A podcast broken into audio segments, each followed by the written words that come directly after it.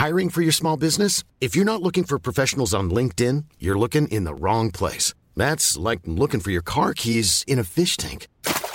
LinkedIn helps you hire professionals you can't find anywhere else, even those who aren't actively searching for a new job but might be open to the perfect role. In a given month, over 70% of LinkedIn users don't even visit other leading job sites. So start looking in the right place. With LinkedIn, you can hire professionals like a professional. Post your free job on linkedin.com slash people today.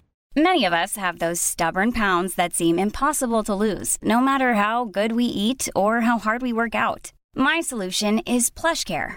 PlushCare is a leading telehealth provider with doctors who are there for you day and night to partner with you in your weight loss journey. They can prescribe FDA-approved weight loss medications like Wagovi and Zepbound for those who qualify. Plus, they accept most insurance plans. To get started, visit plushcare.com slash weight loss. That's plushcare.com slash weight loss. Hey there, it's Michelle Norris. I'm host of a podcast called Your Mama's Kitchen. When I travel, I'm usually looking for a way to find a taste of home when I'm not at home. And one of the things I love to do when I am at home is entertain. And Airbnb allows me to do that. When I was in California recently, I rented a house that had a great kitchen. And when we were sitting around the table, we're all thinking, we're in someone else's house. Someone could be in all of our homes as well. If you have a home, but you're not always at home, you have an Airbnb. Your home might be worth more than you think. Find out how much at airbnb.com/slash host.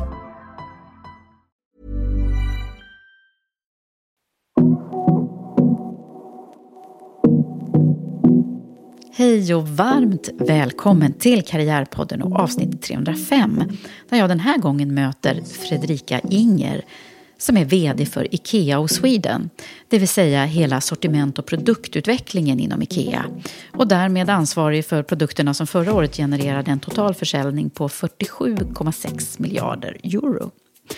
Hon har en bakgrund som ingenjör från Chalmers och har nu över 20 års erfarenhet från olika positioner inom IKEA.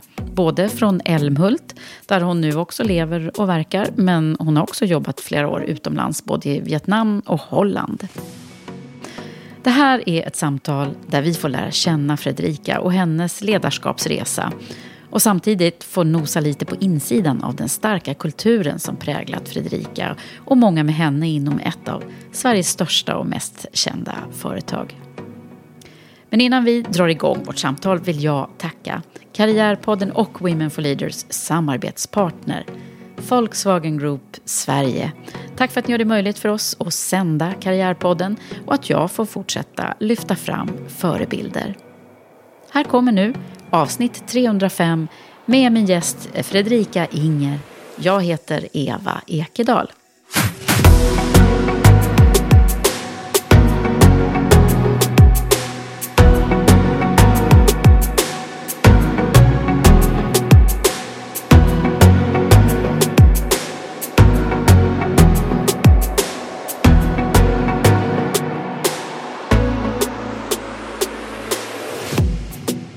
Fredrika Inger, välkommen till Karriärpodden.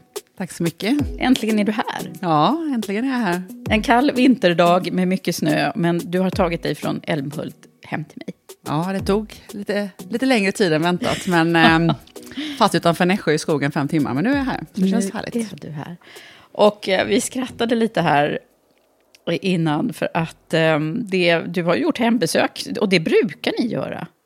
Ja, men vi vi, vi älskar ju att komma hem till folk. Ja. Det är ju det vi gör. Vi är ju, livet hemma är ju våran kärna. Ja. Så vi är ju så nyfikna på hur folk bor och vad är deras behov och vad är deras drömmar, vad har de för problem. Så det var kul att komma hem till dig här Eva, vet, Ja. i hallen här. Hur Ja. fungerar flödena i hallen? och- Skor och jackor. Och, ja, ehm, det kan nog eh, bli... Du kanske, vi får ta en runda till efter podden. Men, men det är väldigt kul, för att ni gör ju såna här, alltså på riktigt. Nej, men vi gör det, vi har det som en del av vårt sätt att liksom vara nära våra kunder och deras behov och drömmar. Så vi, eh, när vi åker runt i världen och besöker våra liksom, retailländer så tar vi alltid tillfället i akt att besöka. Ja. Ja. Jag har ju en hel del IKEA-möbler och eh, mycket förvaring och alltså de där funktionella grejerna, det är ju självklart IKEA.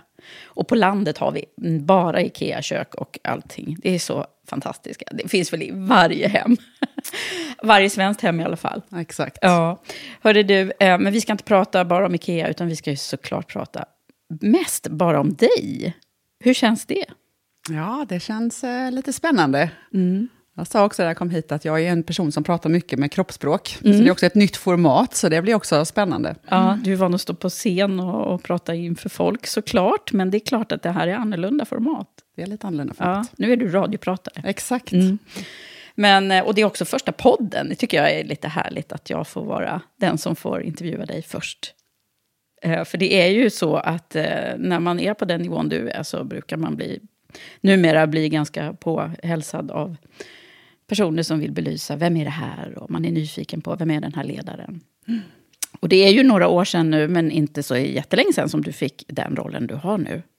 Nej, så det var i, ja, för maj, ett och ett, drygt ett och ett halvt år sedan. Ja. Och om du skulle beskriva, vad gör man när man är eh, vd eller managing director på Ikea of Sweden? Ja, men då är man eh, jag menar, Ikea är ett stort varumärke mm. och en stor idé, men vi har många bolag. Men Ikea of Sweden då i Älmhult är ju ansvariga för produktsortimentet. Så vi är egentligen ansvariga för att ta fram och utveckla alla våra produkter och bygga sortimentet som vi har i alla våra marknader, i våra 60 plus retailmarknader som vi möter.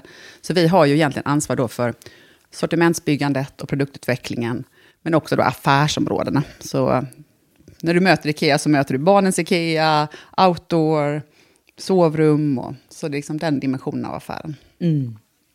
Så eh, det här är ju nu en roll som du har klivit in i och vi kommer säkert komma tillbaka till den. Men vi måste nästan få en liten...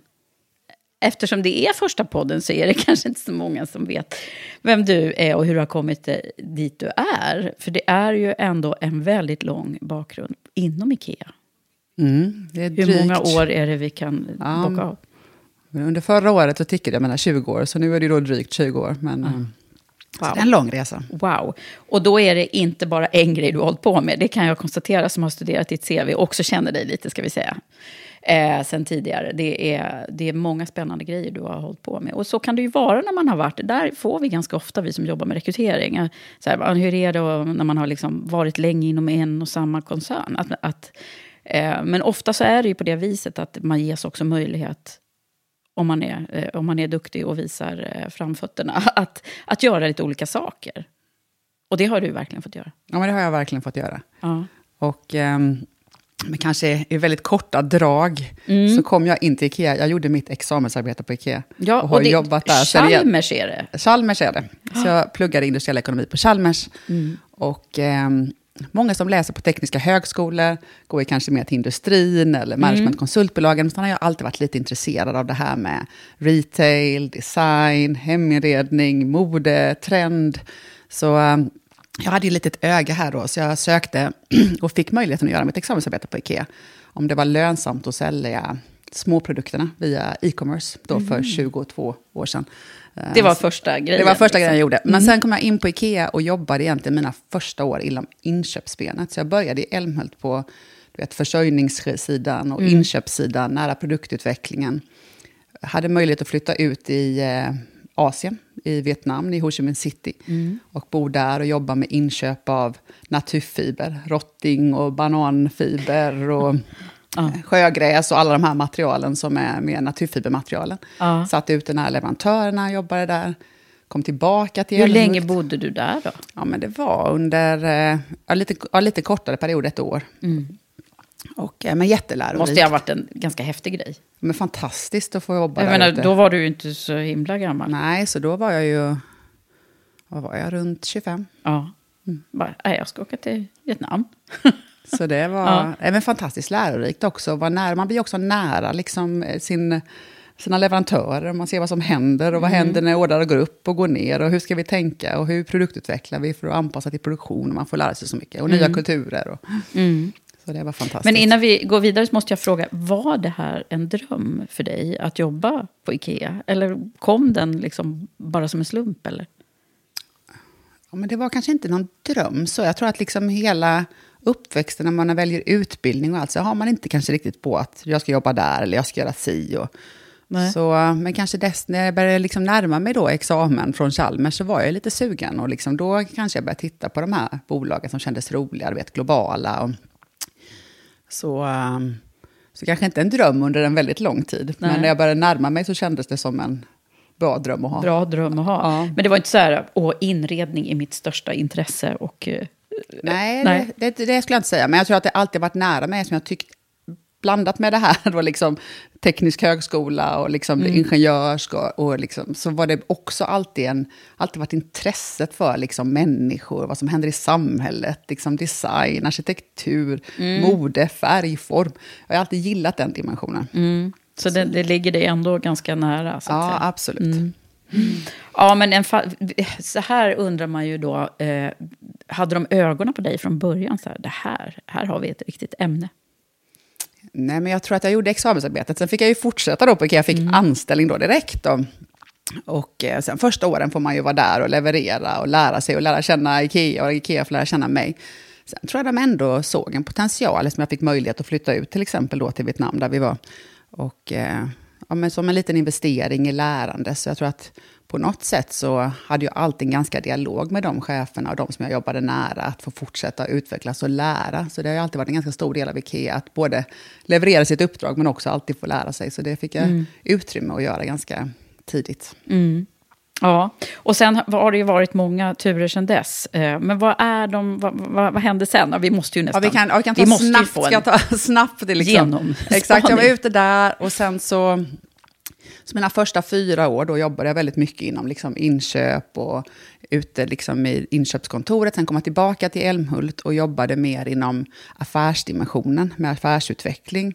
Hade en roll som business leader på kök och satt och liksom tittade in på lite affärer, hur vi skulle kunna titta på värdekedjan, optimera och effektivisera och göra bättre. Och detta kom ju också lite, karriären tar ju också lite så naturliga svängar när man får sina barn. Ja, ja, så jag kom tillbaka då från Vietnam och var helt gravid med mitt första barn. Fick egentligen frågan om jag ville flytta ut till Indonesien, till Jakarta. Men kände att jag ville vara kvar i Sverige. Och eh, ha mitt första barn i Sverige. Och så, då tog jag den här rollen då som eh, business leader på kök. Och sen så eh, fick jag egentligen ett andra barn, Ellen, som nu fyller 15 här inom ett par veckor. Och efter det kom tillbaka och var um, kategoriansvarig. Vi har ju liksom i inköpsbenet så är vi organiserade i materialkategorier, så man håller lite koll på ett speciellt material, som metall, Aha, eller trä, eller det. textil och sådär, som Ja. så stora. Vad hade du för Och då material? hade jag trä, så vi var liksom egentligen Trä. två stycken. Så hade en som hade med de mjuka, du vet furu, och jag hade med de här hårda träslagen, Ja, som björk och bok och de här. Så Ja, så här jag- björkansvarig. Exakt! Och då tittar man ju på egentligen sortimentet, alla affärsområdena, och hur Ja. man då bygger en supply chain-strategi. Vilka leverantörer, vilka produktionstekniker och liksom utveckla supply chain networks. Var ska leverantörerna finnas? Råmaterialsförsörjning och liksom hela kedjan bak liksom till skogen egentligen. Och jobba med den strategin. Och sen så efter det så ehm, fick jag ett samtal och, eh, från en av våra talent managers som hade i uppdrag att söka en ny assistent till vår koncernchef. Just det. Eh, och eh, ringde och sa att eh, mitt namn hade kommit upp och att jag fick, om jag ville söka den tjänsten. Och, jag kommer Och att- visste du då att det här är en, en, en liksom plantskola, eller vad man ska säga? Som Jo, men har? lite så tror jag man visste. För på Ikea har alltid använt lite så de här assistentrollerna Mm. som sitter nära, liksom, du vet, vd-assistenten och de här som sitter nära som ett liten språngbräda, liksom en Mm. roll där man får chans att utvecklas och lära sig och liksom kunna ta ett nästa steg. Så jag hade ju ab- absolut på vetskap om att det var liksom en möjlighet till Ja. nästa steg. Och jag kommer ihåg att jag satt hos en leverantör i Kina när han ringde. Och och han bara, du kan ju skicka in ditt, jag, jag var ute i Kina på någon affärsresa och han ringde, och du kan ju skicka in ditt CV Fredrika. Och jag kommer ihåg att jag var hos leverantören, hade fullt schema hela veckan och jag hade ju inte riktigt ett CV, för så hade vi inte Nej. riktigt jobbat på Ikea, för vi hade inte riktigt använt det, liksom skriva CV i alla. Så jag fick sätta mig där på kvällen och skriva där och skickade in det. Och fick sen då möjligheten att vara med i den processen, Mm. vilket gjorde också att jag fick det jobbet. Och Det där då, är så häftigt, för att det är inte så många som... Jag vet, jag vet inte många stora koncerner och så som jobbar på det sättet. Eh, men det, det, det är framförallt hos er jag, jag har hört talas om, om just det här. Att, och det måste ju vara hur smart som helst, för då får man ju verkligen inblick, kan jag tänka mig, i ja, både strategiska och operativa eh, viktigaste frågorna på något sätt. Jo, men det är ju en fantastisk roll. Jag menar för mig då som hade varit inom både liksom en affärsområdesdimension, jag hade jobbat liksom på inköpssidan mm. och eh, då få komma upp och helt plötsligt, jag hade ju inte varit så mycket i framkanten av Ikea, liksom i retail-delen, men då fick jag då komma och vara, och vi ser ju lite det som på något sätt att du vet det här lärlingsgrejen, att man är nära. Och sen så var det ju väldigt tydligt att Mikael Olsson då som var Det var, var honom du var? Det var honom som var med. Mm. Kom till och han var ju också väldigt tydlig med att nu får du den här rollen Fredrika. Och du är klart här för att hjälpa mig till stor del. Men du är också här och jag vill att du tar den här rollen. Att du tänker att du är koncernchef för Ikea. Och det är så jag vill att du jobbar. Mm liksom stötta honom, vara extra, extra ögon, öron, mm. liksom, extra kapacitet. Men också att jag hjälpte honom och tänkte, vad ska vi göra next, liksom, mm. nästa. Vad, kommer du ihåg hur du tyckte att det här var? Ja, men det var ju jätteläskigt i början. Mm. Jag kommer ihåg att första mötet vi hade så skulle jag ju då ta noteringarna mm. i koncernledningsmötet. Och, och vi hade hela den digitala agendan, eller på agendan, den digitala liksom, mm. strategin och utvecklingsplanen. Och klart det var en helt ny arena för mig att bara ta liksom noteringarna ungefär, vad som sades och vad som bestämdes var en utmaning. Men det var, det var verkligen fantastiskt och så fantastiska människor att få jobba med också som sitter där. Så det var jätte, jättekul. Och då efterträdde du Lotta? Lotta, Lotta Lyro som också varit med i podden. Lotta Lyro som varit med i podden, ja. ja. Hon var då assistent före mig och sen tog jag över efter henne. Ja, ja. Så det är ju verkligen, liksom, man kan ju se på att det har gått, det har gått bra. För, för den, den här strategin verkar ha funkat ganska bra. Ja, det har gått bra för er. Mm. Vi har använt den rollen och det är en fantastisk roll för då fick jag ju möjlighet att sitta med i en koncernledning. Hur, hur är det att leda en mm. stor grupp som Ikea? Mm. Hur sätter du riktning? Mm. Hur, sätter du, hur bygger du strukturer, mm. organisation, processer, men också hur bygger du kultur i en stor organisation. Mm. Så det var ju fantastiskt. Vad tog du med dig då? Vad, vad, tror du att du har liksom påverkats av i ditt ledarskap idag? Om man tittar på den här Nej, men För det första tror jag man har fått... Det som var fantastiskt var ju att få jobba så nära fantastiska ledare. Mm. Och se och inspireras av dem. Som mm. också är olika såklart. Liksom. Mm. Så um, där har man fått ta med sig olika delar av olika ledare. Men det har tagit med mig väldigt mycket, tror jag, vikten av att ha en tydlig riktning för en organisation. Mm. Och liksom med en tydlig vision, med ett, liksom, ett, ja, med ett tydligt syfte varför man är där. Och sen ha en väldigt ty liksom, tydlig affärsriktning. Man behöver mm. verkligen inte leda med allt svar, men liksom, organisationen behöver ju navigera åt rätt samma håll. Vart ska vi? Liksom? Vart ska vi? Mm. Och sen att liksom försöka titta på de stora strukturerna. Hänger det här ihop nu då? Liksom? Har vi satt upp de olika delarna av organisationerna och processerna så att det eh, mm. finns förutsättningar att faktiskt leverera till detta då? Och mm. investerar vi på rätt ställen? Och sen att man men sen att man också då utifrån ett ledarskap både sätter visionen men också bygger liksom klimatet och kulturen. Och mm. att lägga mycket ledarskapet och liksom ha en stark... Mm. Och då bodde ni i Holland? eller? Då bodde vi i Holland. Så mm. efter jag fick det jobbet, flyttade ner, så flyttade vi med familjen ner till Holland. Och ah. barnen var då... Så jag lever ihop med min man Martin och våra ja. två barn som nu då är liksom 17 och alldeles strax 15. Men då var de 3 och 5, barnen. Ah. Okej. Och Martin, vad, vad, hur har han äh, axlat det här att han har dig som, som, som fru? Ja, men det, det är en bra fråga. Martin och jag träffades ju då under mina, för, mitt första år när jag kom till Ikea. Mm. Så han jobbade på Ikea då också. Mm. Men han jobbar ju i en helt annan del av Ikea. Han jobbade inom marketing communication och han var då fotograf. Nu, sen var ju han medflyttande till Holland och efter det har han liksom gått frilans. Så han är liksom frilansfotograf. Ah, okay. Och Martin och jag är vi är lika på många sätt och jätteolika på många sätt. Mm. Så för honom att följa med har aldrig varit någon grej. Nej. Det tycker han är toppen.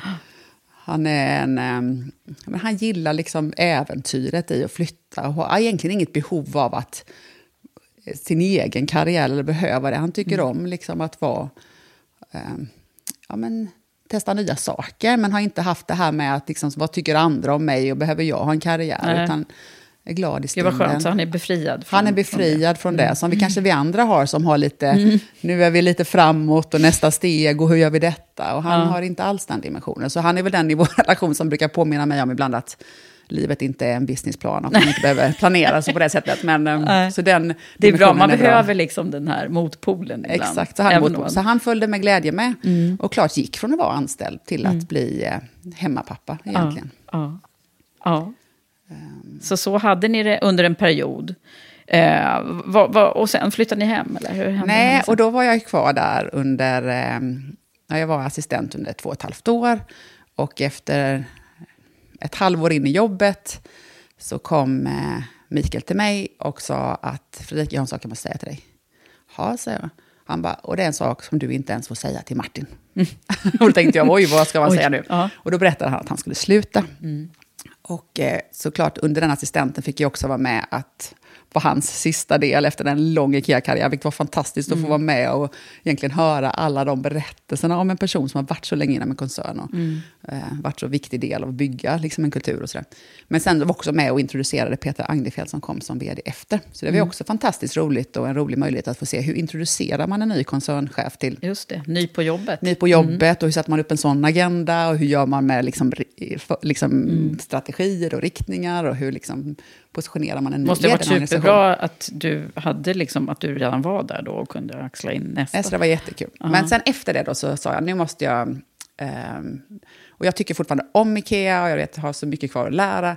Och så sa jag att nu har jag ju varit väldigt mycket du vet, på gruppnivå, liksom i centrala funktioner, jag har varit inköp, mm. jag har varit stora delar då på Ikea Sweden, både inköp, sortimentsbyggnad, affärsområde. Nu vill jag ju lära mig egentligen och vara ute i ett land, eller liksom i retail. Mm. Och möta de många kunderna varje dag. Och kanske hade fått för mig att jag skulle ha ett jobb som kanske är någon slags steppe till landschef. Eller, mm. För jag gillar att jobba med strategier och affärsutveckling. Och, mm. Men då var det någon som sa, men Fredrika, om du verkligen ska lära dig retail på Ikea, då finns det bara ett jobb att ha. Och det är att bli store manager eller marknadschef liksom, i en mindre del. Mm. Och ta ett varuhus och det är liksom området runt om. Och jag var först lite, ja, ska jag bli varuhuschef? Liksom ett stort operationellt jobb, du vet, 500 medarbetare och liksom, du vet, eh, leda, liksom, öppna varuhuset varje dag, stänga mm. varuhuset varje dag, se till att liksom, operations eh, funkar. funkar. Mm. Men eh, så sa jag, okej, okay, jag gör det. Uh. Och då fick vi möjlighet att göra det i Holland.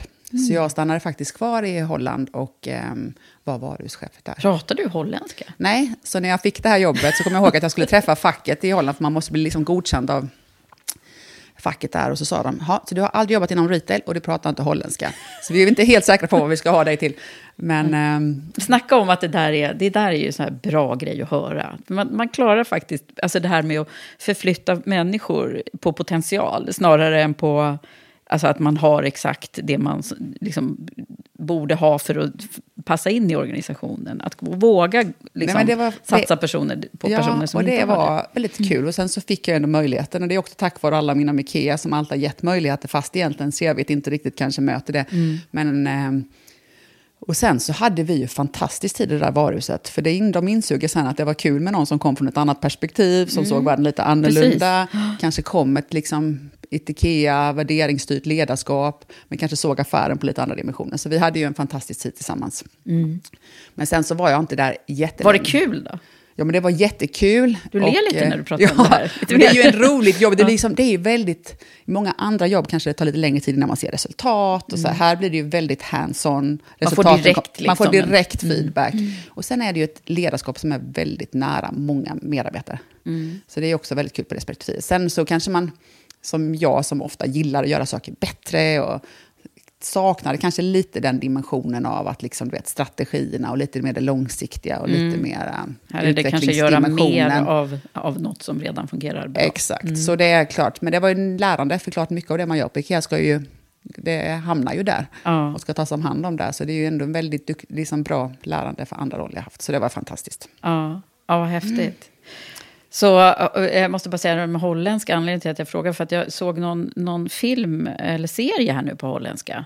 Eh, och då så upptäckte jag att alltså, det är så otroligt mycket som är liksom svenska och engelska i holländska. Men det är ju liksom svenska, engelska, tyska egentligen. Ja, och egentligen också, ganska lätt att läsa och förstå. Ja. Sen är ju uttalen... Jag är inte så, språk har ju aldrig varit kanske min styrka heller. Jag har ju varit mer än den mattesidan ja. av skolan. Men, mm att eh, det är ganska svårt med uttalet eftersom de har väldigt... Ja, det är mycket... Pratar långt fram och långt Ja, bak mm, i munnen om man säger så. Ja, Så, eh, nej, så det var lite suso. ja okej. Men sen var det färdigt med Holland? Ja, exakt. Och sen var jag, nej, jag var kvar lite, för Ikea hade en stor transaktion vi gjorde mellan våra, liksom, vi har ju egentligen två olika koncerner inom Ikea. Och där vi hade en större liksom, omstrukturering. Och då var jag tillbaka i Holland lite och var stor projektledare för den transaktionen. Och eh, jobbade kvar i Holland under ett år. Men sen efter det så var det... Då hade vi nästan varit i Holland nästan fem år på totalen. Så det var ju ganska, ganska länge. Så länge. barnen var helt plötsligt åtta och tio. Och, ehm, och då satt vi lite, vad är näst? Och då hade jag ju kanske alltid haft egentligen två roller som jag kände var det som jag tyckte verkade vara roligast på Ikea. Och det är ju egentligen att vara affärsområdeschef, det vill säga att ta hand om barnens Ikea eller ta, äga en affär utifrån ett liksom, heminredningsperspektiv, eller en vardagsrum eller bedroom. För det är ju så ni är indelade. Ja, eller då leda en marknad, Sverige, Tyskland. Liksom. Så det var ju egentligen de två, att få leda det yttersta PNL-ansvaret från de två dimensionerna. Det är ju så vi jobbar på IKEA. Men då passade det ganska bra, vi har varit utomlands fem år, så var vi, ska vi ta ett land, flytta vidare, eller är det dags att komma hem till Sverige? Och eftersom jag hade liksom lite sikte på de här två rollerna så kände jag, men vi kanske ska ta, barnen är fortfarande små, det någon gång man ska bo i Älmhult så kanske det är när barnen är inte för gamla. Men du är inte uppvuxen där, nej. Nej, så jag är uppvuxen i Jönköping. Eh, Men då flyttade vi hem till Älmhult och då blev jag affärsområdeschef för Barnens Ikea. Och sen så har jag varit, var där en period, var affärsområdeschef för vardagsrum. Och sen så um, jobbade lite inom, mer som en Det matrisorganisation. var då jag träffade dig. Exakt. Och det tyckte jag var så roligt, för det var living room, eller loving room. Ja, då gjorde vi Loving Room. för det var för att vi ville bygga en ny kultur där vi skulle ta affären till nästa nivå. Så det kan vi komma in lite på sen, hur Ja. man är Hur man gör det. Ja. Ja. Men eh, där kärlek, liksom love is unconditional, det var man börjar med trust och kärlek i basen. Det var en väldigt rolig resa faktiskt. ja. Ehm, eh, och sen så jobbade jag lite med produkt och sortimentutveckling, mer från ett matrisperspektiv. Och sen då, sen ett och ett halvt år, har jag tagit den här rollen. Ja, och den här rollen då, som är Managing Director för Ikea of Sweden. Yes. Och om du skulle bara säga Ikea of Sweden, för, dem, för det är ju, ni har ju en organisation som, man, även om jag nu har lärt känna många hos er och eh, har hört de här många gånger, så är man ändå lite confused. Eh, beskriv, vad är Ikea of Sweden? Nej, men som jag sa innan, egentligen är Ikea Sweden, det är ju lite egentligen, jag vill kalla det liksom hjärtat av Ikea, för det är ju där Ikea kommer ju hela tiden med produkt och sortimentet som en del av vår identitet. Och det är mycket så vi tänker utifrån Det är där man sortiment. fram hela... Exakt, och där man där liksom sätter basen för hur vi optimerar bakåt i kedjan. Du vet, vilka träd, hur sourcar vi, hur minimerar vi liksom, luft i containerna till att använda så mycket liksom, lite spill av råmaterialet som möjligt och hur utvecklar vi produkterna för att liksom, minimera kostnader och liksom, klimatavtryck i bakåt i kedjan. Men hur också optimerar vi liksom, kunders behov i hemmet, hur möter vi dem och hur liksom, möter vi dem i eh, Så hela våra produktsidan Så det, är- kan ja, man Så det säga. Mm. är produktsidan egentligen. Och hur man styr värdekedjan genom produkt. Ja. Vad häftigt. Du sitter ju här nu för att vi ska... Nu, nu eh, har vi fått höra om den här fantastiska resan på ett och samma eh, bolag som du har gjort. Och då undrar man lite så här, va- varför har just du fått chansen? Och vad är det som har liksom, eh, byggt dig som, som människa och ledare? Då måste vi liksom gå till Jönköping då. Ja, då måste vi nästan gå till Jönköping. Mm. ja, vi kan ta lite historien och var Ja. jag kommer ifrån. Mm. Och, eh, Vad som har varit liksom betydande för dig där, när du tittar. För det, det är det man får göra när man sitter i den här stolen. Då får man liksom dyka, titta ner lite där. Vad, vad är det egentligen? Ja, men det är säkert svårt att säga exakt vad som har format det, men man kommer tillbaka. Jag är då född i Jönköping. Sen eh, väldigt tidigt, alltså när jag var liten, liten, så jag känner ju mer att jag då flyttade vi till Bankryd, som är en villaförort till Jönköping. Och det är där jag egentligen är uppvuxen. Så hela liksom, det är dagis, lågstadie, mellanstadie, högstadie, så bodde vi då i Bankryd. Och vi då var eh, en familj. Jag är mellanbarn, så jag har en stora syster och jag har en lillebror och då mamma och pappa. Och vi växte då upp här i Bankryd som var en väldigt trygg miljö och klart kommer från en väldigt, väldigt kärleksfull familj. Och eh, sen brukar min mamma och pappa skoja om det, för min syster bor i Boston och min lillebror bor i London och jag har också bott utomlands mycket. Så de säger någonting gjorde vi antingen rätt eller fel, eftersom alla har för något sätt Bankeryd var för litet. Ja. Eller något. Nej, och sen så växte vi upp i den här familjen och eh, lite vad som präglar. Jag tror att om man tittar på mamma och pappa som när vi var små var väldigt... De har jobbat inom vården båda två, så de har, var väldigt så här, jämställda. Du vet, mamma kom hem tidigare på måndagarna, onsdagarna, fredagarna. Pappa kom hem tidigare på tisdagarna, torsdagarna. Så, där, så de har varit väldigt jämställda i sitt sätt att vara. Eh, dock min mamma, högt driv, ambitiös. Mm. Liksom, man kan känna igen mig mycket i henne, för hon har alltid liksom framåt lite bättre, lite mer. Mm. Um, så hon valde efter, ja, när jag var kanske runt eh, 12, ja, någonstans där, valde hon att byta och gå, ut, liksom, gå över till affärssidan mm. inom läkemedel då, liksom, och göra mer en karriär inom liksom, business. Mm. Och började resa, var den som var mycket affärsresande och liksom fick, klart i den generationen kanske var den en kvinna då som var ute och gjorde liksom, karriär och var borta mycket från familjen och sådär. Så hon har alltid varit den som på något sätt har varit en förebild i det, att man får göra så. Även att hon fick ta mycket frågor, hur kan du göra så här mot familj och men å andra sidan då min pappa som egentligen har också, båda väldigt kärleksfulla, men kanske den då som extremt snäll. Men omtänksam, han är ju en väldigt liksom snäll och omtänksam och liksom stabil person. Mm. Så jag tror att den mixen har ju kanske alltid... En mix av dig det här, som ja, du beskriver? Mix, ja, men liksom på något sätt har ju det ändå blivit ja. en del av mig.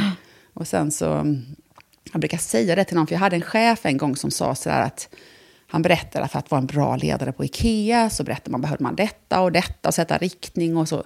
Sen sa han så behöver man en sak, sa han. Det är att du behöver ha någonting som du är jättebra på. Du behöver känna liksom mm. att nu tar du på dig nya stora uppdrag och du kommer känna dig osäker. Det är mycket du är ute i det liksom okända. Men om du har någonting där du känner det här är jag ändå mm. skitbra på, så det kan ingen ta ifrån mig. Då kan du alltid gå från den lite liksom inre självkänslan mm. och självförtroendet till att våga ta stora beslut och sådär. Det var ganska bra sagt. Ja, det är jättebra mm. sagt. Och jag brukar ha med mig den. Och sen ibland när jag tittar tillbaka på min barndom, så kan jag titta på min pappa, som eh, hjälpte nog också, för han var väldigt så här, mån om att vi skulle hålla på mycket med idrott. För hans, hans mamma var lärarinna, liksom, hon var ju um, ja, idrottslärare, mm. på vilket var... Ja. Och han var så här, vet, idrotten växer med mycket självkänsla och självförtroende. Så han var så här, man fick... Där fick det var, det fanns inga stopp. Liksom. Man kunde välja snygga gympadagar när man skulle spela basket. Man kunde få, han byggde, liksom, målade upp handbollsmål på garageinfarten och basketkorgar och liksom allting.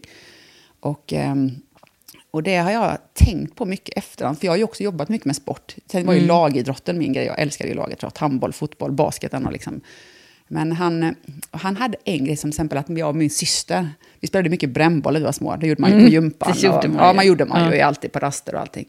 Och då var han så här, men rätt, han kunde ta med oss upp till fotbollsplanen och säga så här, men ni måste lära er liksom att skjuta ordentligt med det runda racket, du vet. Och mm. när ni tar lyra och så kastar ni bollen 45 grader. Så, här. så jag och min syster, vi var ju jättebra på brännboll. Ah.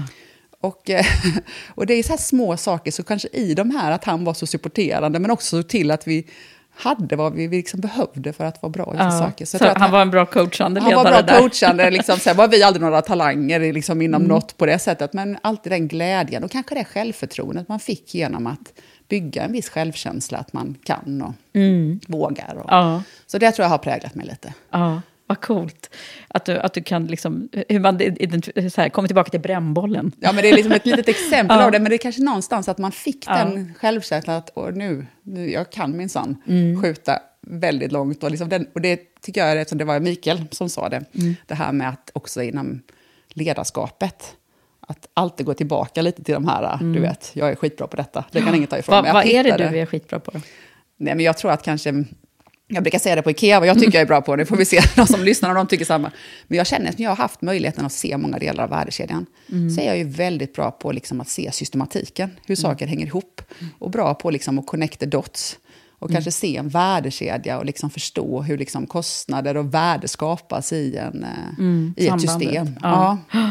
Ja. Och system av organisation, system av värdekedja och så. Så det tycker jag nog att ja. jag är stark på. Ja. ja, men vad bra. Det där tycker jag vi kan skicka med lite. Alltså att man kan hitta, man kan ja, men, inte vara bra på allt, men man kan liksom ändå känna att man bottnar i någonting. Nej, men jag tycker det, är faktiskt, det har hjälpt mig mycket. Mm. Att man bottnar i något och sen så får man liksom våga men hoppa från det. Sen behöver man ju en massa Nej, andra människor så. som är bra på annat Exakt. runt omkring sig. Mm.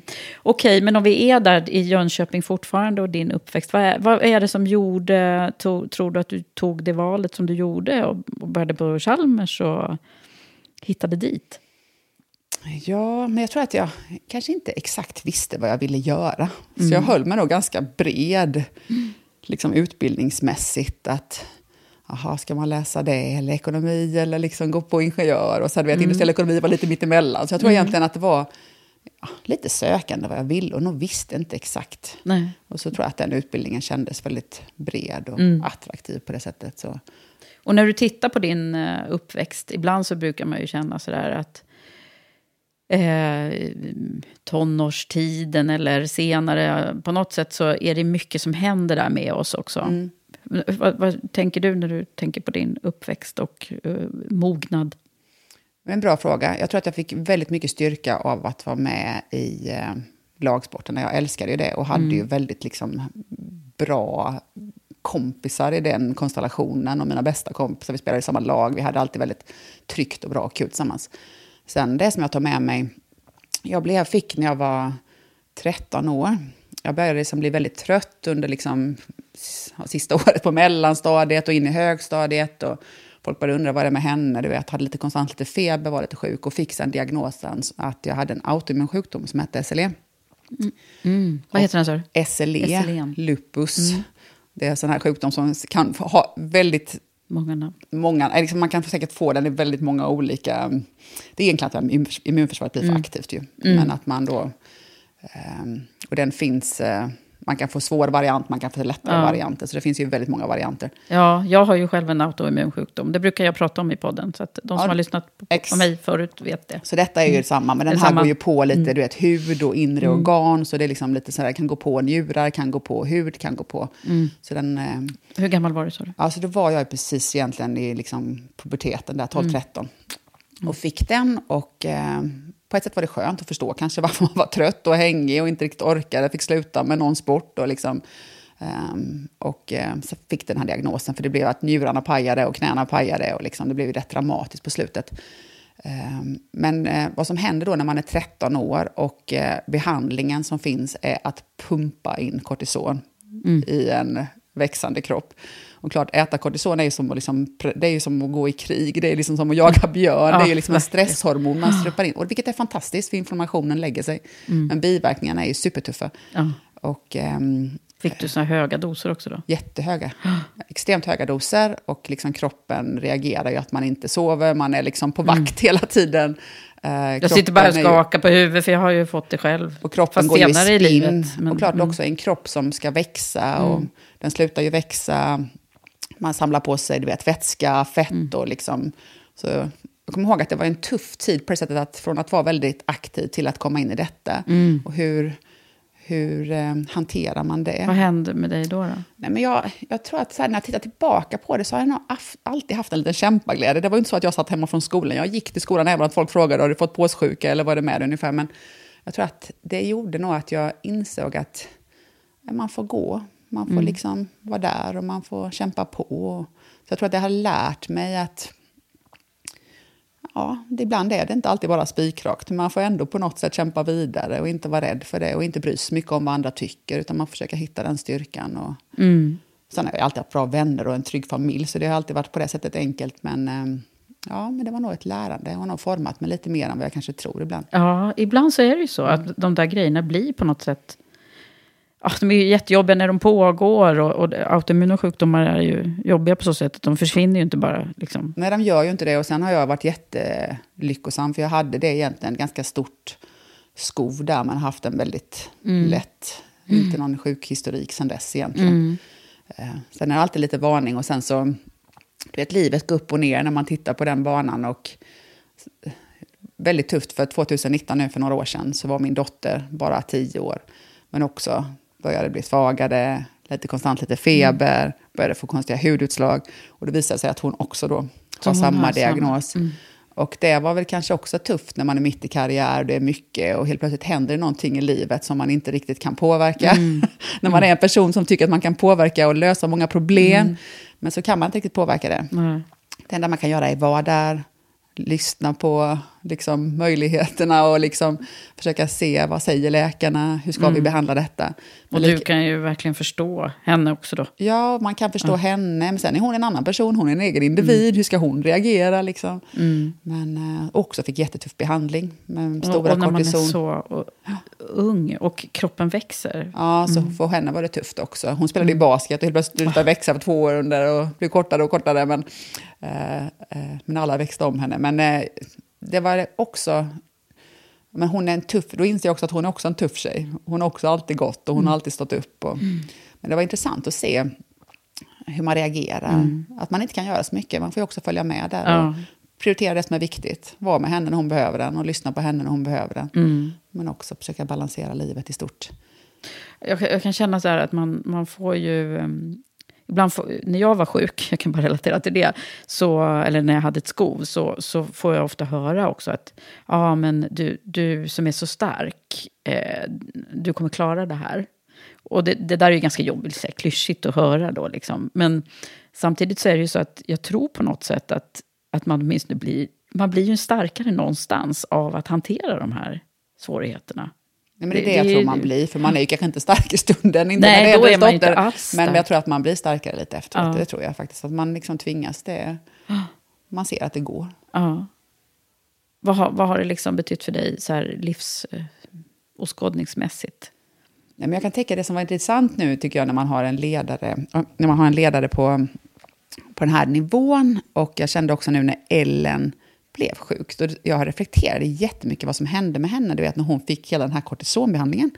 Och det har jag tänkt mycket på, vad som händer i kroppen med alla de här uh, hormonerna och liksom stresshormoner. Det har vi ju naturligt, så vad händer till exempel om du inte är i balans i stress och vad händer med kroppen och hur liksom beter du dig? Och, så jag tycker det har blivit ja, lärorikt och spännande att reflektera också vad som händer i kroppen av stress till exempel. Det har jag reflekterat mycket över. Ehm, så det är någonting. Av stress och, och, och, även yttre stress? Ja, men det är det jag menar. Så egentligen Ja. är det lite samma symptom. Här blir det ju väldigt tydligt Ja, att man pumpar in, men det kan ju Ja. också påverkas av att folk i dagens samhälle, det är en tuff värld vi lever i. Och att eh, vad händer med människor Mm. när stressen kommer? Ibland då mer utifrån och ibland genom medicinering, Mm, precis. men det är ju en väldigt intressant liksom, utveckling av individen. Hur, hur fungerar du i stress? Ja, men jag har ju också försökt lära mig ganska mycket av att, eh, ja men hur hittar man balans då? Jag tror de här rollerna vi har och hur jobbar man med sig själv och sitt självledarskap och hur hittar man balans? Och, Jag menar, lite stress, jag gillar ju lite stress. Jag är ju lite av en, vi kan ju komma tillbaka till det kanske om man ska försöka förklara mitt ledarskap Ja. och vad jag drivs av. Men jag är ju, jag gillar ju äventyr, jag gillar ju lite stress, jag gillar ju resultat, jag gillar ju saker rör sig. påslaget. Ja, jag gillar ju påslaget. Så det är ju någonting som jag verkligen tycker om. Och gillar att liksom göra saker bättre och flytta mig framåt. Så jag kan ju gilla att det är en stress. Jag levererar ju ofta bra liksom, när det är hälsosam stress. Sen klart när det bara blir, när man känner att det är någonting som händer som man kanske inte kan påverka, eller det påverkar människor. Det är en annan dimension där man känner att man kanske blir liksom, nu måste jag hitta en balans. Och där har jag ju jobbat med mycket metoder för att men verkligen stå, liksom hitta en harmoni i den hälsosamma Är det stressen. något du kan dela? Ja, men absolut. Jag tror att det är liksom alltid då försöka, ja men du vet, jag, det är så basgrejer som att se till att jag får min sömn. Du vet, se till att jag försöker hitta någon slags rutin för lite motion. Jag är inte jättebra på att liksom motionera, men liksom den här grundläggande motionen. Och sen jobbar jag jättemycket med att ha bra människor runt mig. Som jag kan prata med. För jag är ju en extrovert och gillar ju att vara i team. Och gillar ju då att ha peers eller min eget management-team eller liksom någon mentor eller någon kompis. Att jag hela tiden kan ha folk där jag kan ventilera vissa av de här sakerna. För det har jag också mått, märkt att jag mått väldigt, väldigt bra av. Så det är både liksom hitta basen men också hitta ja, men bolla. Liksom, så jag kan, vad, vad är det som händer här nu? Och försöka liksom komma ut från det som händer om man känner att det blir för mycket.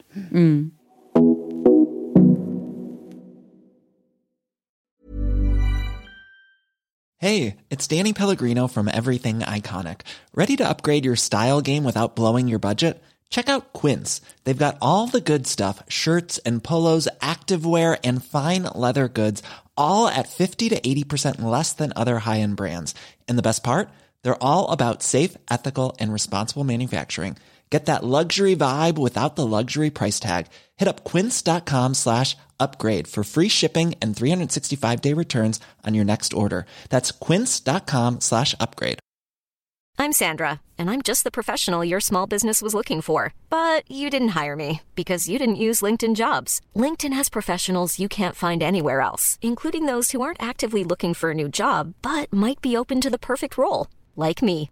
In a given month, over 70% of LinkedIn users don't visit other leading job sites. So if you're not looking on LinkedIn, you'll miss out on great candidates like Sandra. Start hiring professionals like a professional. Post your free job on linkedin.com/people today. Hey, it's Ryan Reynolds, and I'm here with Keith, co star of my upcoming film, If, only in theaters, May 17th. Do you want to tell people the big news?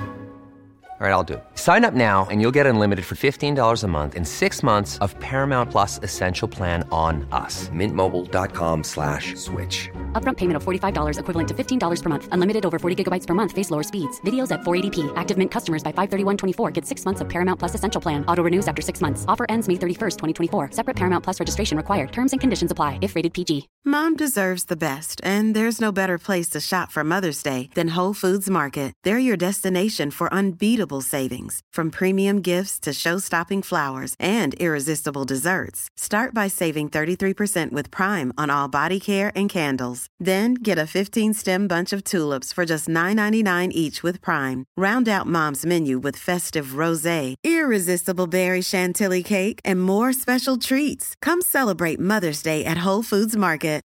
Since 2013, Bombas has donated over 100 million socks, underwear, and t-shirts to those facing homelessness. If we counted those on air, this ad would last over 1,157 days. But if we counted the time it takes to make a donation possible, it would take just a few clicks. Because every time you make a purchase, Bombas donates an item to someone who needs it. Go to bombas.com slash ACAST and use code ACAST for 20% off your first purchase. That's bombas.com slash ACAST, code ACAST.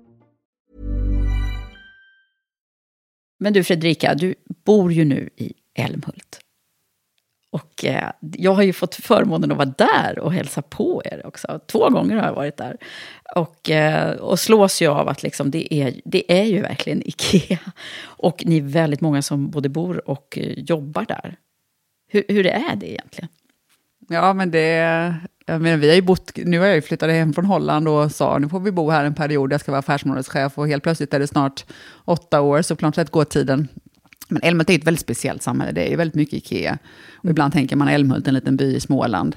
Men klart när man kommer till Älmhult så, så är det som sagt mycket Ikea, men det gör ju också att samhället är väldigt internationellt. Det är ju en by där vi har en internationell skola, mm. på Ikea Sweden där jag jobbar har vi ju 60 olika nationaliteter. Och det är klart, en väldigt dynamisk by på det sättet. Ja. Dynamisk av att den är internationell och blandad, icke-dynamisk, kanske att det är mycket Ikea på något sätt. Um, och sen att liksom leva och uh, både jobba och leva i, en, i ett samhälle som Älmhult. Uh, Hur många är det som bor i Älmhult? Ja, men det är liksom 18 000 i kommunen, 10 000 i tätorten. Aha. Så det är ju... Mm. Uh, och sen så jobbar många på Ikea, sen pendlar ju väldigt många in också från mm även från Malmö och från Växjö och många mm. andra ställen. Um, men det är, man får ju vara beredd på att man jobbar och man ses ja. utanför jobbet. Och då tänker man ju gärna så här, hur är det då att vara chef för väldigt många av dem där som du möter? Ja, nej men jag tycker... Det, man kan ju på något sätt, man kan förstå att folk kan tycka så här, oh, det måste vara jobbigt att du träffar dem hela mm. tiden. Och klart, jag kom in också för ett och ett halvt år sedan på den här rollen. Och eh, hade också sagt att om jag skulle ta den, att jag ville göra om, strukturera om vissa delar av organisationen, ändra lite hur vi sätter upp oss. Och klart, det påverkade ju många människor i deras roller. Roller försvann, mm. roller skapades. Och, um, och jag tror att man, när man bor i, nä- i Älmhult så är man ju väldigt nära sina beslut. Mm. Det, och det, man är väldigt nära, för man möter ju det på något sätt. Och det är egentligen, först kan man tycka att det skulle vara jobbigt, men jag ser det också som en väldig styrka. För jag känner också att det som ledare, så, eftersom jag är så nära mina beslut, så måste jag ju också på något sätt stå väldigt stadigt mm. i mina beslut. Mm. Och jag måste liksom, mitt narrativ och mitt varför måste ju vara också väldigt solitt. Ja. Och, ehm, och då får man ju verkligen jobba igenom att det man gör, liksom, det känns det är liksom faktamässig struktur, också. grundat, mm. både i huvudet och hjärtat och magen på något sätt, så besluten är grundade. Mm. Mm. Och eh, man kan stå för det. Och att man kan möta och Ja, jag se alla i det. Det ögonen. måste ju verkligen vara eh, viktigt då. Liksom när man, när man, jag menar, du möter folk på, på ICA och, och när ni kanske har haft en jättetuff grej då. Nej, Mm. men så det är det. Men jag tycker egentligen att det har gett mig ja, men mycket lärande.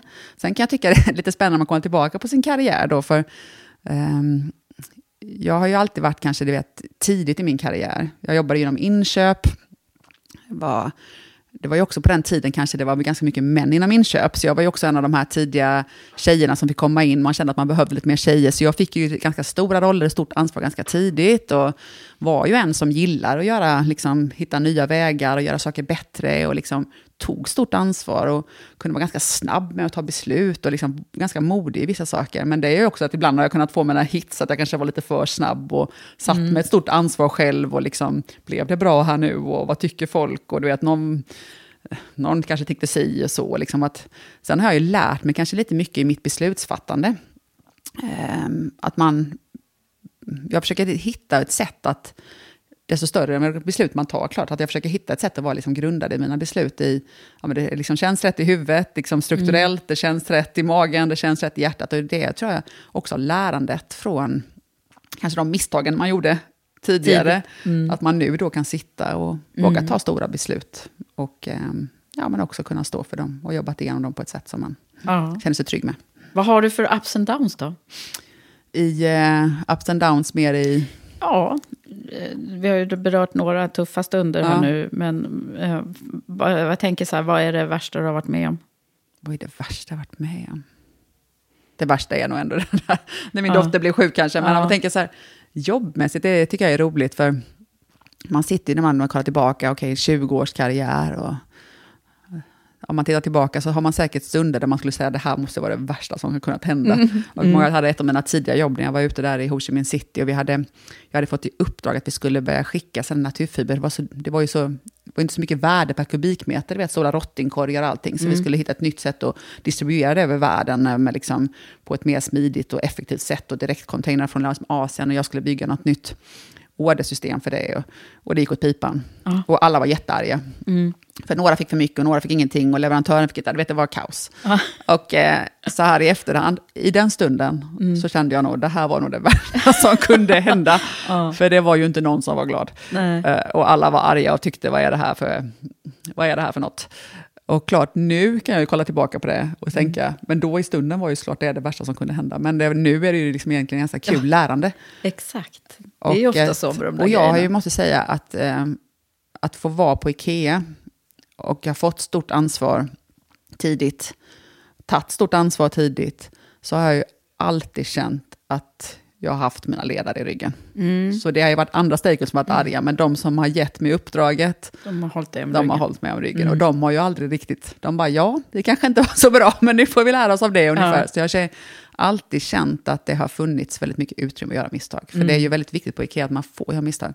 För det Mm. Men vad bra, för nu, nu kommer vi in på det som jag vill prata om, nämligen den mytomspunna eh, Ikea-kulturen. För det, eller är den inte my- Det är bara jag som känner så här att det är ehm, eh, något speciellt nu när jag har fått lära känna flera ledare. Mm. Vi kanske ska säga det också, du har ju faktiskt gått vårt Women for Leaders Premium Leadership Program för några år sedan. Det, ja, det var ju innan du fick det här jobbet. Eh, men, ehm, så, och sen har jag fått lära känna flera från, från er organisation. Och, och det är ju någonting med, med, med... Och det vet jag inte om det är just era kvinnliga ledare, men det är i alla fall så att de utstrålar någonting speciellt. Och det här säger jag inte bara för att vara lite så här eh, bekräftande nu, utan eh, det, är, det är så att, att ni pratar liksom både ledarskap och om era medarbetare om, om Ikea på något speciellt sätt. Det gör ju mig väldigt glad och Ja. det är ju också intressant för jag har ju valt att stanna kvar på Ikea i 20 Ja. år. Eh, lite för att jag alltid har fått möjligheter att lära mig nya saker och utvecklas. Och, eh, men, vad är det ni också gör för att då? det är fantastiska människor. Ja. Det är ju så kul att vara på Ikea och det är fantastiska människor. Men sen när man kommer till kulturen så eh, har ju den alltid varit ganska stark. Jag tror att Ingvar som Mm. grundare var ju väldigt noga med liksom både visionen och Har du träffat värderingen. Ingvar? Ja, Ingvar har jag träffat. Tidigt. Han hade ju alltid veckor när han kom till Ikea Sweden när vi var... Eh, vi hade Ingvar-veckan när han kom och gick Mhm. igenom du vet, sortiment och affärsutveckling. Och Mm. Många jag jobbade med inköp av trä där, att vi hade någon stor, vi skulle bygga nya fabriker i Polen och du vet, han hade full koll på allt. Dimensionerna nere av och träet frågade och och- vad det mm. skulle vara och hur ja, han kunde. Det han, skulle man ju kunna tycka är liksom, lite detaljstyrande. Men, Nej, men det var liksom, det var jag tror att Ingvars förmåga att vara väldigt visionär Mm. och vara i detaljen och skippa det emellan. Mm. Så det, jag tror att det var hans styrka. Mm. Men han var ju också väldigt eh, stark i att bygga kultur och värderingar. Och ehm, värderingarna är ju väldigt starka inom Ikea.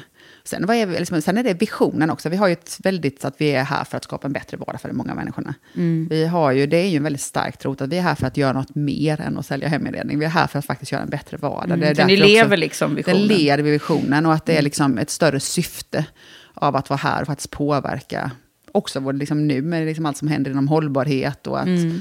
du vet, det som, att, men en bättre vardag är ju också en bättre liksom, shared home av liksom, planeten vi bor på.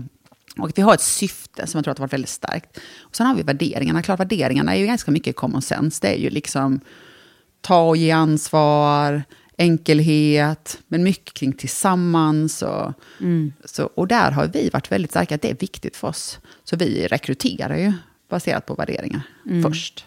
Och liksom personligheter och att du passar och att du vill både driva men också en, liksom, jobba ihop och liksom, ödmjukhet i det. Mycket och, teammänniskor, apropå Ja, men det är att du, mycket eh, teammänniskor mm. är det. Och liksom, så vi har ju verkligen måna om att rekrytera folk som passar in. Liksom. Mm. Sen vill vi ju inte ha, vi älskar ju diversity, det låter som att alla ska vara Ja. likadana, för verkligen inte så.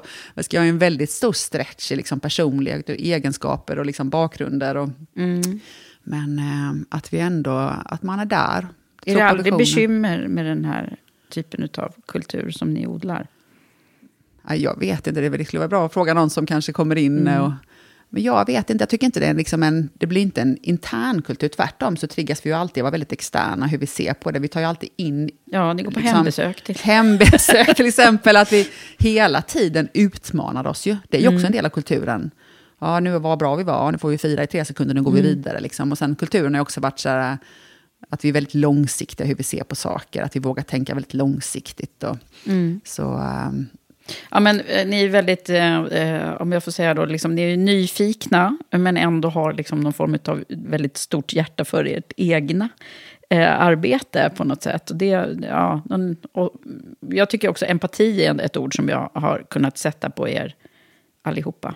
Att ni har ganska stark empati. Jo, men det tror jag vi har. Liksom Har jag bara haft tur då, jag som människo... har träffat? Nej, men jag tror att vi har ett ganska stort människofokus. Det har vi ju. Mm. Både liksom- Även om det handlar om liksom hårda ting rätt Ja, mycket. Mm. exakt. Så vi har människofokus både liksom hur vi tittar på vår affärsutveckling, liksom, men också hur vi tittar på liksom våra medarbetare och Mm. varandra.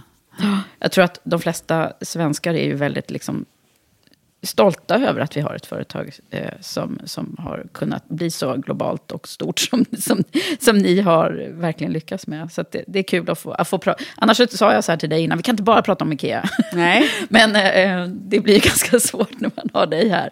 Men vi ska inte bara prata om det, för nu ska vi prata om eh, ledarskap. Och det har ju vi redan varit inne på en hel del. Men jag tänker på min, eh, min eh, samarbetspartner Volkswagen Group Sverige som alltid skickar med en fråga eh, om just hållbart ledarskap och vad det betyder för dig. Så nu är vi liksom tillbaka på, på dig i, i, personligt.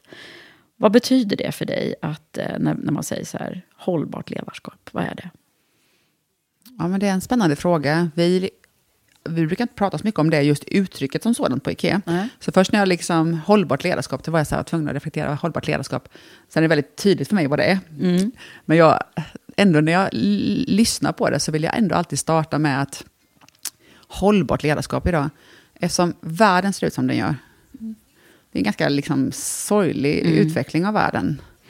Ehm, att hållbarhet måste också alltid börja i det stora. Du vet, att Mm. om man inte har en agenda för att vara med och contribute till något större, så tror jag man måste också reflektera över sin affärsagenda och sin strategi. Att liksom, eh, det är den här, en bättre värld. Liksom. Mm. Vad är det? Och att ha en väldigt bra plan för det hållbara i stort. Mm. Sen klart, hållbart ledarskap handlar ju väldigt mycket om hur bygger man för mig en hållbar organisation, du vet, hållbara ledare. Och ehm, eh, för mig handlar det väldigt mycket om, egentligen är det två dimensioner där. Det är att ett, att men det är att skapa engagemang. Folk måste känna att man kan vara med och bidra. Att de har förmågan liksom, att bidra. Och hur skapar du liksom att det är liksom ett stort syfte, att de skapar engagemang i sin agenda, liksom passionen skapar liksom att de känner att de kan vara med och påverka och faktiskt göra skillnad. Så jag tror Mm. att det, och att göra det är ju liksom väldigt mycket, hur sätter man då ehm, både strukturer och kulturer egentligen för att skapa det liksom. Och eh, strukturer är ju också, man har ju ansvar som ledare att se till Mm. att det finns strukturer, att det finns ett system där folk kan liksom få återhämtning och inte liksom jobba, jobba lagom. Och, Mm. Men sen också en kultur tror jag också är väldigt viktigt. Där, eh, eh, ja, men det är ju att närvaro. Eh, Ja, det märkte vi ju under pandemin, hur Ja. jobbigt det var där. Mm. Alltså jag tror att en kultur är, för mig, är det, det måste vara en öppen kultur. Liksom en öppenhet. Det är sådana här grundläggande saker för mig. Det är först, det ska vara öppet, det ska vara snällt, det ska vara liksom någon trust och det i botten. Eh, Men sen är det mycket för mig den här närvaron, att ha närvaro, relationerna. Du vet, känna den här eh, kopplingen mellan individer tror jag är jätte, jätteviktig. Och sen så måste man också ha kul. Mm.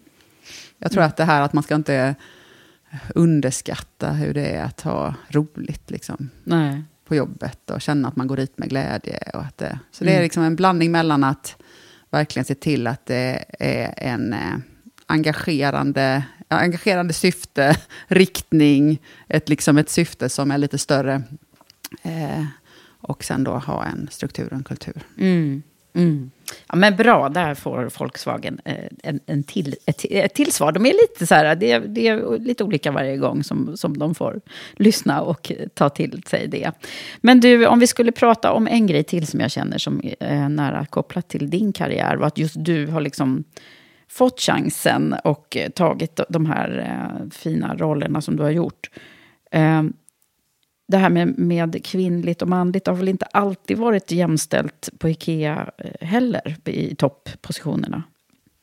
Nej, det absolut inte. Och sen har Ikea, jag menar, jag, för mig är det lite spännande, för jag jobbar ju också inom inköpsdelen mina första år.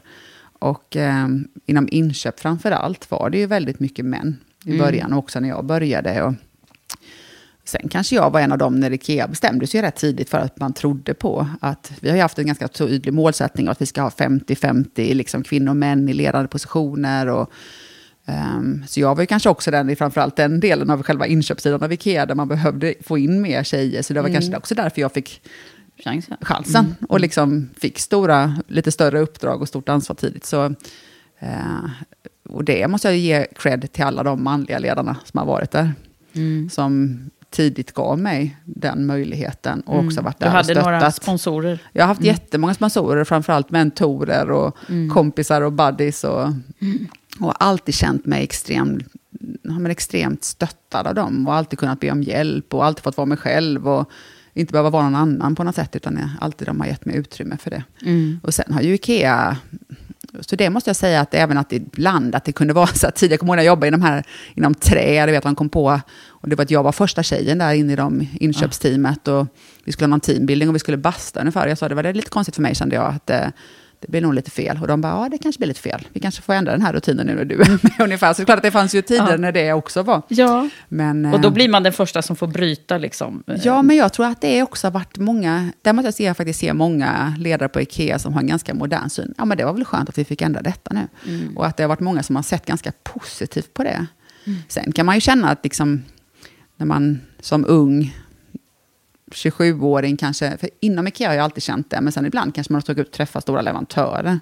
Och man kommer ut som 27-åring liksom, och är den som ska leda liksom, förhandlingen eller samtalen eller dialogen. Och det tar kanske lite tid för leverantören att vem ska jag titta på här nu? Av det här? Är det, vem är det liksom som egentligen ska driva agendan? Vem är hon och vem är den här personen? Och liksom man kanske har med sig vissa specialister och de kanske har lite lättare att prata med dem nästan för att de har lite svårt att kanske se att vi ska prata med den här unga tjejen. Eh, Men, eh, Hur har du tacklat det där? Då? men jag tror att man har på något sätt alltid... Men det, ibland har jag nog tyckt att det kanske vid stunder kanske det var lite svårt. Att hitta då, liksom, hur ska jag ta plats här? Och, eller hur ska jag... Men sen på något sätt har man fått vara sig själv och tro på den uppgiften man har och liksom driva på sin affär. Och, och sen får man väl, ibland har jag känt kanske i mötena med de leverantören, första mötet kanske var lite stelt, andra mötet, sen tredje mötet kanske de börjar liksom bygga relationen och sen har man fått bygga relationen lite över tid och ta sin plats. Mm. Och det handlar inte om att liksom behöva ta plats, jag tror att det är liksom att ta den rollen man har, ta den platsen och visa vem man är och liksom mm. uttrycka sig, liksom vad man vill göra. Jag tror att jag alltid har varit ganska modig där. Mm. Uh, att våga säga. Och sen har man ju fått mycket tips. Jag har haft fantastiska ledare som, eh, ja men Fredrika, du vet, 80% rätt är bättre än inget. Så du vet, känner du att du är 80% liksom, då är det bättre att ta ett beslut än inte. Mm. Så det är ju på något sätt att lyssna på de här som, och våga tro och köra på det. Ja. Så om vi nu skulle, liksom, vi ska börja summera lite, men om vi skulle summera varför det har gått så bra för dig hittills. Vad är det? Ja. Ja, men jag tror att... Eh, går det att knyta nej, och sen är det, så här, det är också intressant att säga, går det bra? Liksom, man är, klart att man kan se en karriär, och det är ett mm. konstant lärande, och det är ju också någonting som är härligt. Jag älskar ju utvecklas. Jag tror att kanske därför det har gått bra, är ju att jag är... Jag gillar ju... Eh, jag gillar ju verkligen att lära mig nya saker, och jag gillar att göra saker bättre. Så det är klart att det kanske alltid funnits lite inre driv mm. av att liksom lite bättre, lite mer. Hur kan vi, och det har ju inte så mycket med min personliga utveckling att det har mycket också med affären i centrum. Och hur kan vi bli bättre? Och hur kan vi, så det är klart att jag har alltid haft en nyfikenhet. Gillar lite du vet, det nya och mm. tyckt om att vara lite i det okända. Och nyfiken, men vad händer där borta? Och vad händer där borta? Och om mm. jag gör så, och kolla vad den gör. Så jag har alltid varit ganska nyfiken och i det här med strävan efter att liksom göra saker bättre eller göra affären bättre eller, och i det utvecklas. Jag tror att det drivet har väl alltid på något sätt kanske känts lite, skulle ja. jag tro. Det är nog en viktig nyckel. Ja, det är Vad har vi mer för någon? Ja, men sen den andra kanske är att eftersom jag är en extrovert lite, jag är liksom introvert i vissa delar nu, desto, men får ju ganska mycket energi av att vara med människor. Mm. Och sen eh, gillar jag också att vara med människor. Jag känner att det är bra för mig att bolla. Jag tycker om att vara i grupp. Jag tycker om att jag fokuserar ju jättemycket på att ha ett bra team. Jag är ju inte bra ensam. Jag är ju liksom team och liksom tillsammans slår ju liksom mm. allt. Och, eh, och kanske då också, eftersom jag har gillat det, så har jag också gillat att vara i gruppen. Och då kan man ju också göra mycket mer. Så jag har ju också alltid kanske haft ganska lätt att samarbeta med folk och mm. bygga relationer. Och, Mm. Eh, mm. Och det har väl också kanske gjort att man på något sätt har skapat en trust i, ja. i, eh, ja. Ja, i relationerna. Mm. Och sen så undrar jag så här, jag brukar alltid avsluta med en fråga som handlar om eh, vad du hade behövt höra. För nu är du ju 40, vad är du nu? 45 har jag 45. precis fyllt. Mm. Eh, om vi säger att du var 19, mm. eller 20. Vad tror du att du hade behövt höra då, som du vet nu? Ja, men jag tror att jag, när jag tänker tillbaka till det så skulle jag tidigare kanske ville att man alltid, vet, tidigare i karriären, att man, vet, man ville så mycket. Man, man, det finns ju alltid en osäkerhet, även om man kommer med god självkänsla och gott självförtroende, så blir man ju ändå alltid osäker i nya konstellationer. Mm. Jag hade hoppats att folk skulle säga till och med att, du vet, man känner så. Och därför tycker jag den här, exempel, att den här som vi pratade om innan, det här med att lilla inne confidence, att, att våga lita på det mer och vara mm. ännu mer modig i att du vet, vara i det ja. okända och bara uttrycka att det här vet jag inte. Mm. Du vet, lite mer Pippi Långstrump, det här har jag aldrig testat förut, så ja. det är jag säkert jättebra på. Du vet, att våga liksom hoppa ut. Ja, det är ännu mer ja, ännu tidigare mer, då? Ja, mm. tidigare. Mm. Och att kanske inte då behöva grubbla så mycket, utan att uh, våga vara det ännu mer. Och att, om att, och att då se till, jag skulle också se till att man, är man i en snäll konstellation, så finns det ju inga begränsningar vad man kan liksom nå för mål om man bara är där tillsammans. Om alla skulle vara så i en trygg miljö, liksom ha en öppen dialog med feedback. Och, mm. alltså det, att man kanske skulle våga säga det ännu mer tidigare. Mm. Bra. Men du, Fredrika, finns det några konkreta tips som du känner att du vill skicka med nu till alla som lyssnar här? Utifrån de, liksom, de lärdomarna som du har och tankar om ledarskap och livet? Ja, gud ja. Nej, men jag tror att, ja men kanske två saker. Uh, den första tror jag är att man ska försöka hitta, ja, men, liksom, hitta glädjen där man är just nu. Jag kan ju känna det liksom ibland att i många roller jag haft att man blir lite så här att man, vad är nästa och sen ska jag göra det. Och i mm. livet också, ja men till ja. sommaren då ska man har så bråttom. Ja, man har så bråttom och den där semestern, nästa jul, vad ska jag, alltså du vet, vad händer? Att kanske vara lite med att i både i var, försöka hitta mm. glädjen i det lilla, men kanske också även på jobbet. Jag kan känna, hitta glädjen i att leverera i det assignmentet man har. Mm. Glädjen mm. i den gruppen man är. Liksom. För något blir det också lite biljetten till nästa på något sätt. Om man mm. också verkligen är i nuet och väldigt närvarande. Mm. Och se till att ha kul då? Och se till att ha kul och uppskatta. Jag tänker alltså, lyxen att få vara i så många fantastiska team som man har varit i. Och lyxen som man sen när man lämnar det teamet säger, åh gud, tog jag verkligen tillfället i akt och liksom mm. vara där då. Liksom. Och jag tror både i livet och i jobbet så tror jag att det är absolut mm. en viktig del. Det var bra. Ja, och sen mm. den andra är ju liksom att men ledarskap, jag känner fortfarande, man kommer ju aldrig vara färdig som ledare. Nej. Så det är ju också att eh, hela tiden, du vet, ja, men det är reflektion. Mm. Och då brukar jag tänka, ja, men hur reflekterar jag? Och eh, eh ja, men det är mycket jag har, det är till att man har någon mentor, eller det kan vara formellt, informellt, med någon som man kanske, någon tidigare mm. chef, eller någon man litar på, eller en buddy eller en peer eller någon som sitter nära en organisation, att ha några människor som man kan reflektera med. Liksom. Jag har ju mm. alltid haft haft med några av de här cheferna, jag har haft som jag fortfarande kontakt med. Jag har några, jag har ju som du, några som du känner också, som ja. Cindy som har gått programmet som du känner, som jag alltid haft nära i min karriär, som jag kan ringa upp om det är någonting. Och jag har haft, så jag har alltid haft någon buddy mm. eller någon mentor som har varit nära. Mm. Och, eh, så det skulle jag nog säga. Att det kanske man... gå något program. Och, mm. Jag gick ju Women for Leaders och en anledning till det var ju att jag ville liksom lite förstå, det var ju, ni hade liksom en komponent som var väldigt mycket om att leda liksom i transformation. Mm.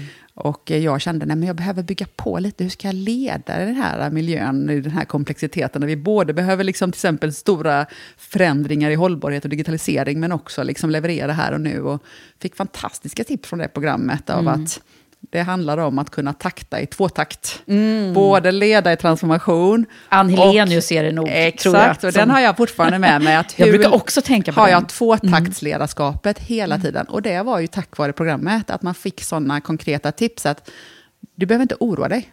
Du kan leda i tvåtakt. Mm. Du leder här och nu och du leder transformativt. Och du gör båda samtidigt. Så det är också liksom att både, så skulle jag säga var mitt andra tips, att mm. se till att hålla dig up to date med mentorer och program mm. eller ja. nyfiken på... Ja, men också kanske då liksom hämta inspiration och hjälp uh, utifrån och från andra. Exakt. Vad är det för någonting som du ser fram emot nu då? Om vi, om vi ska blicka framåt. Nu har vi blickat lite bakåt. Men... Nej, men jag tycker det är... Jag tycker det är en jättespännande tid. Det är fantastiskt att få jobba i en stor organisation i den här världen vi är. Världen är jättesvår. Mm. Utvecklingen är sorglig med krig jag och menar, konflikter. Det måste er mycket med den polariseringar och det geopolitiska mm. och klimatförändringarna. Och, liksom, vet det, och att få vara med och tänka att med den utvecklingen, vad behöver världen? Världen behöver ju ett alternativ, de behöver ledarskap mm. när det gäller liksom inkludering, när det gäller hållbarhet, när det gäller liksom optimism och liksom våga vara optimistisk och våga tro. Och, du vet. Mm. och få leda i detta och sätta riktning, bygga kultur, våga ta svåra beslut. Ehm, det är ju jättespännande. Mm. Så bra. Det där blev väl en fin inringning till, eh, eller avrundning till att vi avslutar den här podden. Men tack snälla Fredrika för att du har varit här. Tack. Tack för att du har lyssnat på mig och min gäst Fredrika Inger. I eh, Karriärpodden och i alla våra övriga verksamheter Women for Leaders, EQ Executive Search och Signe jobbar vi ständigt med att leda förändringen mot ett mer jämställt och hållbart näringsliv. Så tack för att du är med oss i lurarna så här in på det tionde verksamhetsåret med podden. Jag vill också passa på att tipsa dig om att vi nu söker fler mentorer till Signe, vår mentorsmatchningsplattform. Vi söker dig som vill vara med och ge tillbaka oavsett om du är en erfaren mentor eller är nyfiken på att bli det. Så vill du vara en del av Signes community? Här finns chansen till Pay it forward på riktigt. Klicka dig in på app.signe.co om du tycker att det här låter som något för dig. Men eh, det var allt för mig och Karriärpodden den här gången. Vi hörs snart igen.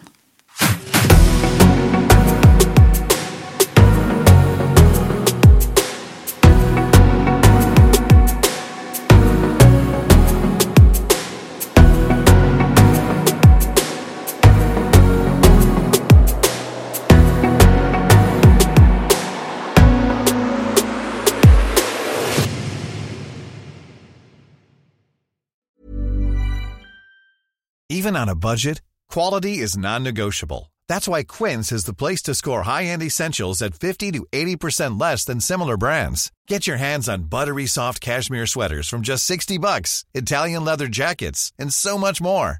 And the best part about Quince, they exclusively partner with factories committed to safe, ethical, and responsible manufacturing. Elevate your style without the elevated price tag with Quince. Go to quince.com slash upgrade for free shipping and 365-day returns. Mom deserves the best, and there's no better place to shop for Mother's Day than Whole Foods Market. They're your destination for unbeatable savings, from premium gifts to show-stopping flowers and irresistible desserts. Start by saving 33% with Prime on all body care and candles. Then get a 15-stem bunch of tulips for just $9.99 each with Prime. Round out Mom's menu with festive rosé, irresistible berry chantilly cake, and more special treats. Come celebrate Mother's Day at Whole Foods Market. Traffic jams, tailgating, pileups. Ugh, the joys of driving. How could it get worse? The federal government wants to have a say in what you drive. That's right. The Biden administration's EPA is pushing mandates that would ban two out of every three vehicles on the road today. Don't let Washington become your backseat driver. Protect the freedom of driving your way. Visit EnergyCitizens.org. Paid for by the American Petroleum Institute.